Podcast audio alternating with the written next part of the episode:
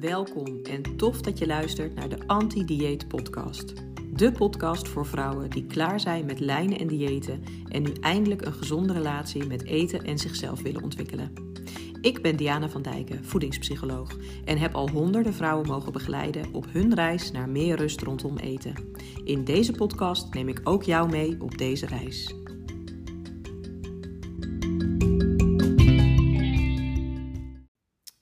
Het is zover. De eerste aflevering van de Anti-Dieet Podcast is een feit. En jij bent deze nu aan het luisteren. En dat vind ik echt heel tof. Dus dank je wel. Zoals ik net al vertelde, begeleid ik dus vrouwen op weg naar een gezonde relatie met eten en zichzelf. Maar wat betekent dat nu eigenlijk, hè, een gezonde relatie met eten? Nou, in deze eerste aflevering leg ik je daar graag wat meer over uit, want het is nog helemaal niet zo makkelijk om een gezonde relatie met eten te ontwikkelen. En het is ook helemaal niet gek als jij momenteel nog geen gezonde relatie met eten hebt en daar wel wat hulp bij zou kunnen gebruiken. Daarnaast zal ik ook een aantal redenen benoemen waarom jij nu misschien nog geen gezonde relatie met eten hebt. En dat heeft in de meeste gevallen te maken met de relatie die jij hebt met jezelf. Maar daar later in deze aflevering dus nog veel meer over. We starten nu eerst met wat een gezonde relatie met eten nu eigenlijk inhoudt. Als ik dat heel kort zou moeten samenvatten, dan zou ik zeggen dat in een gezonde relatie met eten het luisteren naar de werkelijke behoeftes centraal staat.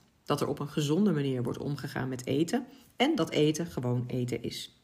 Maar wat zegt dat nu precies? Als jij een gezonde relatie met eten hebt, dan maak je geen zwart-wit onderscheid in gezond of ongezond eten. En jullie kunnen mij natuurlijk niet zien, maar ik zet gezond en ongezond altijd tussen aanhalingstekens, want eten is gewoon eten. Die termen, gezond en ongezond eten, worden dan dus ook nauwelijks gebruikt als we kijken naar vrouwen die een gezonde relatie met eten hebben. Want juist dat strikte onderscheid dat vaak wordt gemaakt in gezond of ongezond eten, zorgt in veel gevallen voor verstoord eetgedrag en daarmee ook voor een verstoorde relatie met eten. En laten we eerlijk zijn, natuurlijk is er een verschil qua voedingswaarde, qua vitamines en mineralen en dergelijke tussen een sinaasappel en een reep chocolade. En natuurlijk bevat het ene product meer vitamines en mineralen dan het andere product. Er is ook echt wel een verschil in producten onderling, begrijp me niet verkeerd, maar iets is in zichzelf niet per definitie gezond of juist ongezond. Een sinaasappel bijvoorbeeld bevat gezonde voedingsstoffen, vitamines, mineralen en vezels en het is ook een prima bron van koolhydraten. Maar wanneer je alleen sinaasappels eet, ga je toch echt dood. Ze bevatten namelijk geen vetten en eiwitten. En eet je heel veel sinaasappels, dan eet je waarschijnlijk minder van allerlei andere producten die ook gezonde voedingsstoffen zouden kunnen leveren. Een sinaasappel op zichzelf is dus niet per se gezond. Het past wel prima binnen een gezond eetpatroon. Dat wel. Een reep chocolade daarentegen bevat weinig gezonde voedingsstoffen, hè, weinig vitamines, mineralen of vezels, maar wel gewoon vetten en koolhydraten. En daarop overleef je het toch echt een stuk langer. En dat een reep chocolade weinig gezonde voedingsstoffen bevat, vitamines, mineralen, vezels, maakt het nog geen ongezond product. Een stukje chocolade is niet ongezond en een reep chocolade overigens ook niet. Het voegt qua gezondheid alleen niks toe, maar daar is het ook niet voor bedoeld chocola eten wij niet omdat het een bron van vitamines en mineralen is, maar omdat we het lekker vinden en omdat we ervan kunnen genieten bij een kopje koffie of thee. Zou het een product zijn wat wij nodig zouden hebben om wel te kunnen overleven en om ook gezond te kunnen overleven, dan hadden we daar als maatschappij al lang een stoot vitamines en mineralen aan toegevoegd. Maar dat hebben we niet gedaan. En dat hoeft ook helemaal niet. Um, maar eet je nou heel veel chocola, dan zul je wederom, net als wanneer je heel veel sinaasappels eet, toch minder eten van allerlei andere producten die misschien wel gezonde voedingsstoffen met zich mee zouden kunnen brengen. En dat is overal misschien niet zo heel gezond. Maar dat werkt dan dus eigenlijk hetzelfde als wanneer je heel veel van die sinaasappels eet. Ook dan eet je minder van allerlei andere producten. Chocolade aan zich is dus niet per se ongezond en past net als een sinaasappel prima binnen een gezond eetpatroon. Te veel van iets eten is uiteindelijk nooit echt goed of aan te raden, maar dan maakt het niet zo heel veel uit of je nou te veel sinaasappels eet of te veel chocola. Op het moment dat je echt vol zit, voelt dat gewoon niet zo heel prettig. Maar gelukkig gaat het er dus ook helemaal niet om of één bepaald product nou gezond of ongezond is. Het gaat om het totaalplaatje. Is die combinatie van alles wat jij eet een beetje in balans? Want dat is wel een belangrijke voorwaarde voor het ontwikkelen van een gezonde relatie met eten. Als jij aan de lopende band honger hebt, omdat je allerlei voedingsstoffen misloopt bijvoorbeeld, is het namelijk wel echt oprecht heel lastig om een gezonde relatie met eten te krijgen. Wanneer je een gezonde relatie met eten hebt, heb je ook geen negatief oordeel over dat zogezegde ongezonde eten. Ongezond eten is niet slecht. Je faalt niet als je een koekje eet en je hebt ook niets verkeerds gedaan als jij een handje M&M's hebt gesnoept. De dag is ook niet verpest na een bonbonnetje bij de thee of wanneer jij toevallig een keer pizza of patat hebt gegeten als avondmaaltijd. Maar wanneer er heel zwart-wit wel een stempel als ongezond of gezond op eten wordt gezet, dreigt er ook al snel een oordeel te ontstaan over eten. Ongezond eten wordt dan vaak gezien als slecht, verkeerd en als falen. En gezond eten wordt gezien als goed, de bedoeling en uh, als een prestatie. Maar dit werkt verstoord eetgedrag echt enorm in de hand, omdat gezond eten wordt gezien als een persoonlijke prestatie en ongezond eten als persoonlijk falen. Maar dat betekent dus ook meteen dat gewoon onbezorgd genieten van een warme chocolademelk met slagroom, om maar eens iets te noemen, er niet meer bij is. Want dat is slecht. En dan doe ik het dus slecht of ben ik zelfs slecht. En ik doe het dus ook alleen goed en ben alleen goed als ik voornamelijk of misschien zelfs wel uitsluitend gezond eet. Klinkt niet echt relaxed, toch? En dat is wat wij inderdaad zien bij vrouwen die een verstoorde relatie met eten hebben. Dat is verre van relaxed. En hoe fijn zou het zijn als je wel op een relaxte manier kunt genieten van die warme chocolademelk met slagroom. Maar goed, dit oordelen ehm, heeft nog meer nadelen, want het werkt ook over eten enorm in de hand. Want een koekje bij de thee is dan dus eigenlijk al genoeg om je dag te laten verpesten. En dan maakt het ook allemaal niks meer uit, dus kun je net zo goed die hele rol leeg eten. En dat koekje is eigenlijk ook een teken dat je het toch niet kan gezond eten. Dus dan kun je er net zo goed mee ophouden dat nog te proberen en het bijltje er maar gewoon bij neergooien. Misschien dat dat voor sommigen van jullie ook best wel herkenbaar is. Er ontstaat ook geen schuldgevoel meer na het eten van iets lekkers als je een gezonde relatie met eten hebt. Want je hebt iets gegeten, niet iemand aangereden of met opzet gekwetst. En zolang je dat eten niet hebt gestolen of hebt afgepakt van een bejaarde of een kleuter, heb je ook helemaal niets om je schuldig over te voelen. Maar wanneer er wordt geoordeeld over ongezond eten alsof het slechte is, dan is het eigenlijk ook heel normaal dat jij je schuldig gaat voelen. Dat is namelijk precies hoe ons brein werkt. Als je iets doet wat eigenlijk niet mag, dan voelen we ons schuldig. En dat mechanisme dat hebben we natuurlijk om ervoor te zorgen dat we die dingen die we ook eigenlijk echt niet zouden moeten doen, denk aan stelen of aan iemand slaan of ontzettend onaardig zijn tegen iemand, um, dat we dat na de eerste keer ook niet meer doen. Het is bedoeld zodat we daarvan kunnen leren. Maar dat schuldgevoel is dus ook echt bedoeld voor die slechte dingen. Hè? Stelen, slaan, onaardig zijn. Niet om te ervaren na het eten van een bakje popcorn of een stuk chocolade of een gevulde koek. Want wanneer je dat soort dingen eigenlijk nooit eens kunt eten zonder dat je je daar schuldig over voelt, dan heb je natuurlijk niet echt een gezonde relatie met eten.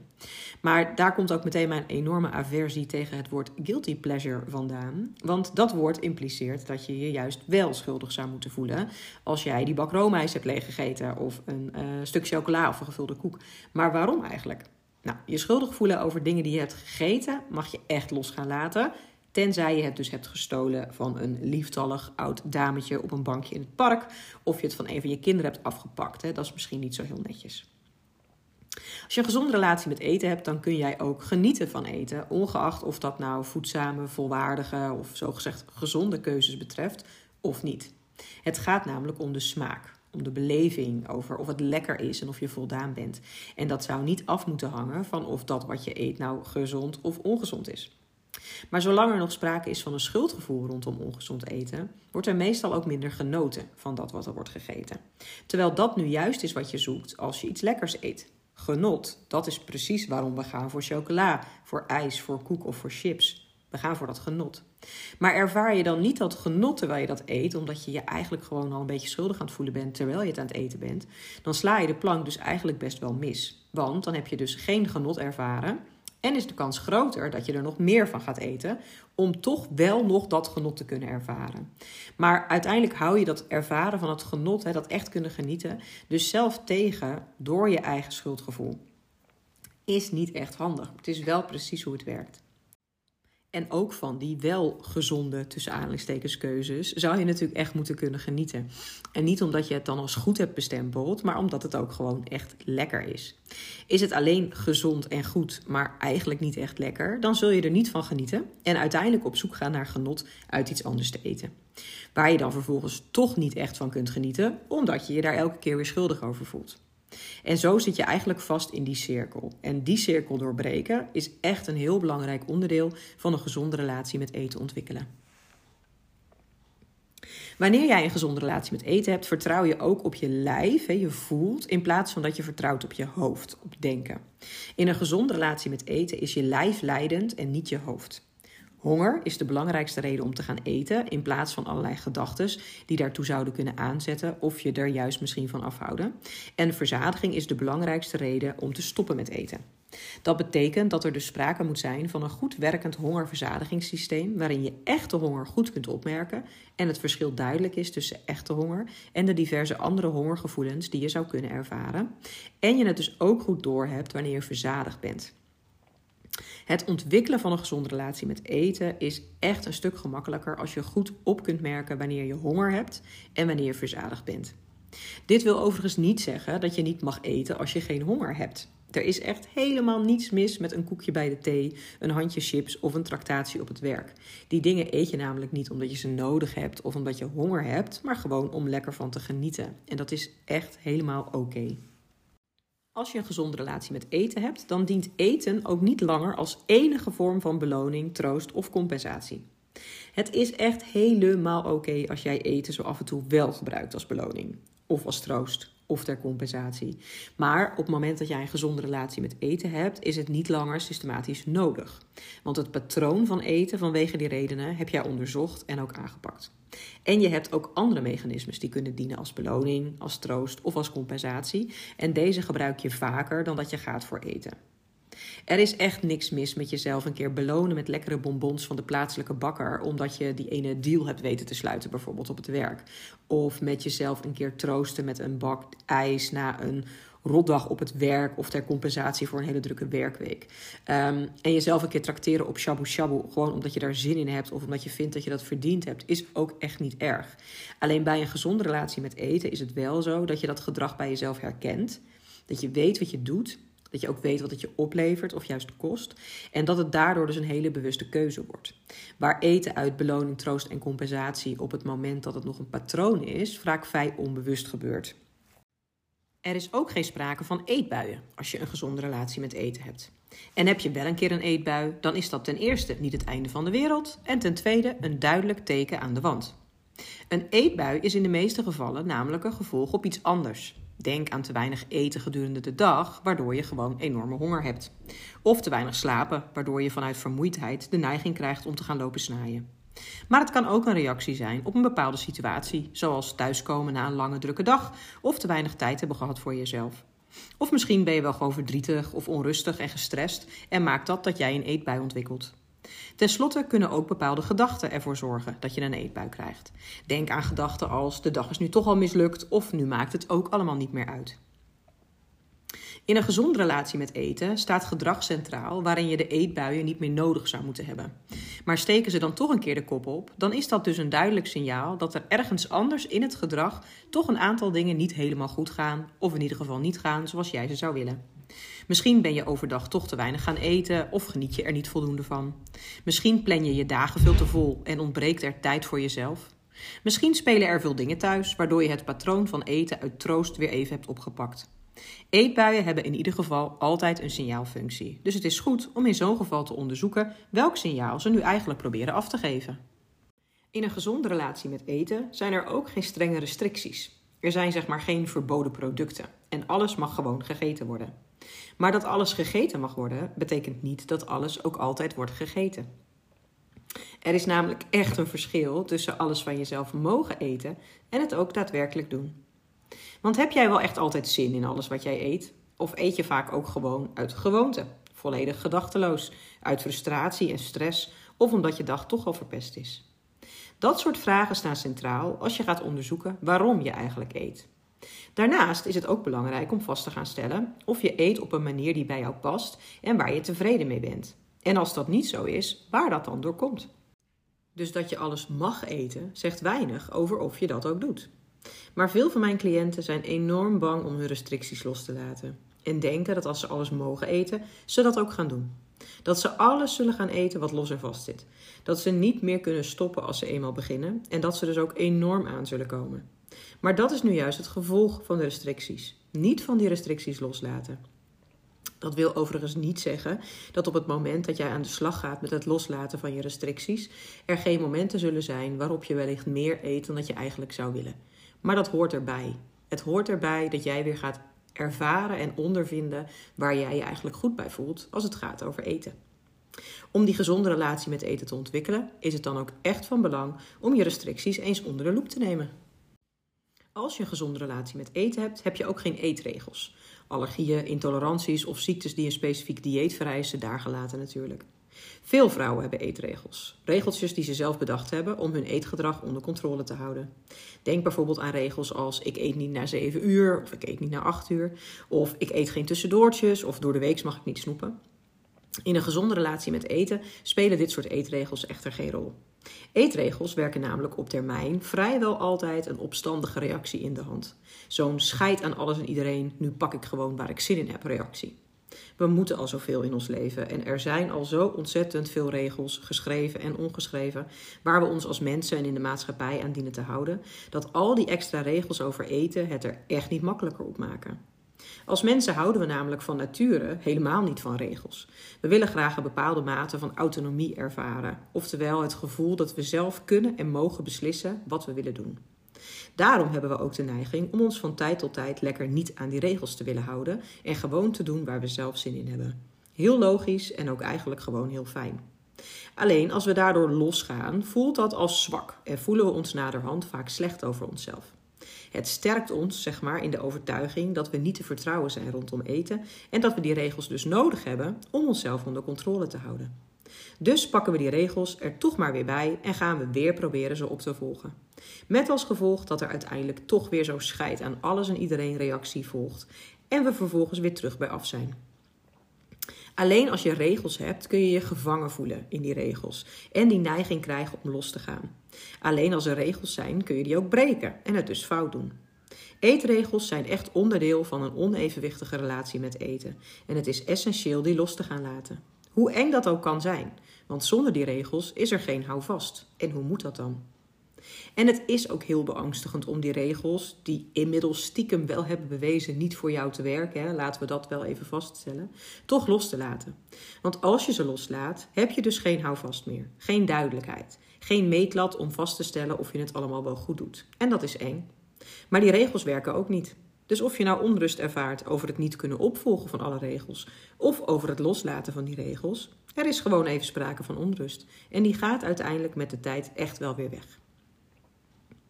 Ik heb je aan het begin van deze aflevering ook beloofd dat ik je nog wat zou vertellen over waarom veel vrouwen eigenlijk een verstoorde relatie met eten hebben. En in veel gevallen heeft dat dus te maken met het feit dat vrouwen een verstoorde relatie hebben met zichzelf. Wanneer jij niet tevreden bent met je lichaam of je gewicht en daarom besluit af te gaan vallen, dan is het helemaal niet zo gek dat je eten gaat verdelen in gezond en ongezond.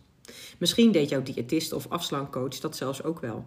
Er wordt nog steeds heel vaak gewerkt met lijstjes van wat je wel of beter niet kunt eten. En daarin wordt vaak uitgegaan van gezonde en ongezonde producten.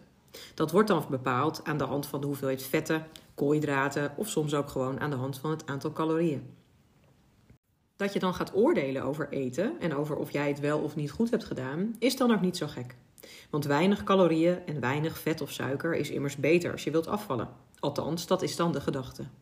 En dat je je vervolgens schuldig gaat voelen als je een reep chocola met veel calorieën en veel suiker en vet hebt opgegeten, is dan natuurlijk ook niet zo gek. Want dat is natuurlijk echt geen goed idee als je eigenlijk wilt afvallen. Dat het echt niet zo simpel in elkaar zit allemaal, komt in een van de volgende afleveringen zeker ook nog wel aan bod. Maar dit alles zorgt er natuurlijk ook voor dat je niet echt meer kunt genieten van iets lekkers, zonder dat je je daar vervelend bij voelt. En dat al die gezonde dingen, denk aan sla, eieren, kip en groene smoothies, je op een gegeven moment je neus uitkomen. Doordat je tijdens het lijnen over het algemeen genomen veel te weinig eet, raakt je honger- en verzadigingssysteem van de leg. Want als jij honger hebt, zul je in veel gevallen daar niet naar luisteren en toch maar niets nemen, want het mag nog niet. Of je zit al aan je maximale aantal calorieën, of het is echt nog geen tijd om wat te eten. Daardoor worden je hongersignalen systematisch genegeerd en worden ze steeds minder accuraat. Daarnaast is de kans ook groot dat je zelden echt verzadigd raakt op zulke kleine hoeveelheden.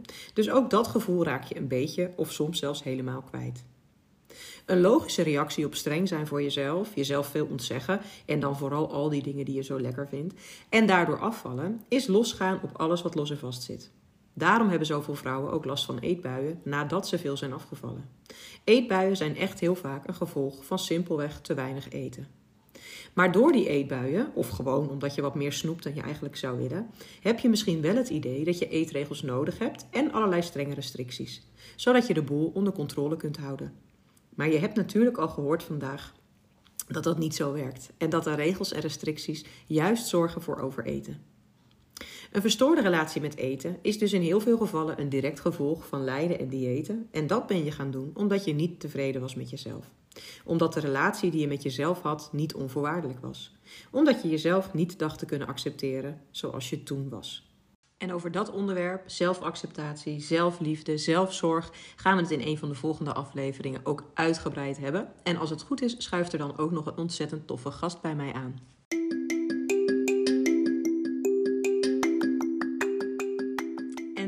Daarmee zit de allereerste aflevering van de Anti-Dieet Podcast er alweer op. Ontzettend leuk dat je hebt geluisterd. Dank je wel daarvoor. Ik hoop dat je ook de volgende keer weer aanhaakt. Je bent in ieder geval van harte welkom. Vond je dit een toffe podcast? Laat dan even een review achter of delen met je vriendinnen, collega's, zussen of buurvrouwen. Attendeer ook andere vrouwen op deze podcast. Dat waardeer ik echt enorm. Wil je me wat vragen of ben je op zoek naar meer informatie? Check dan ook vooral eens mijn website en mijn socials. Daar vind je ook hele toffe gratis downloads en introductielessen. In de show notes vind je uiteraard alle details.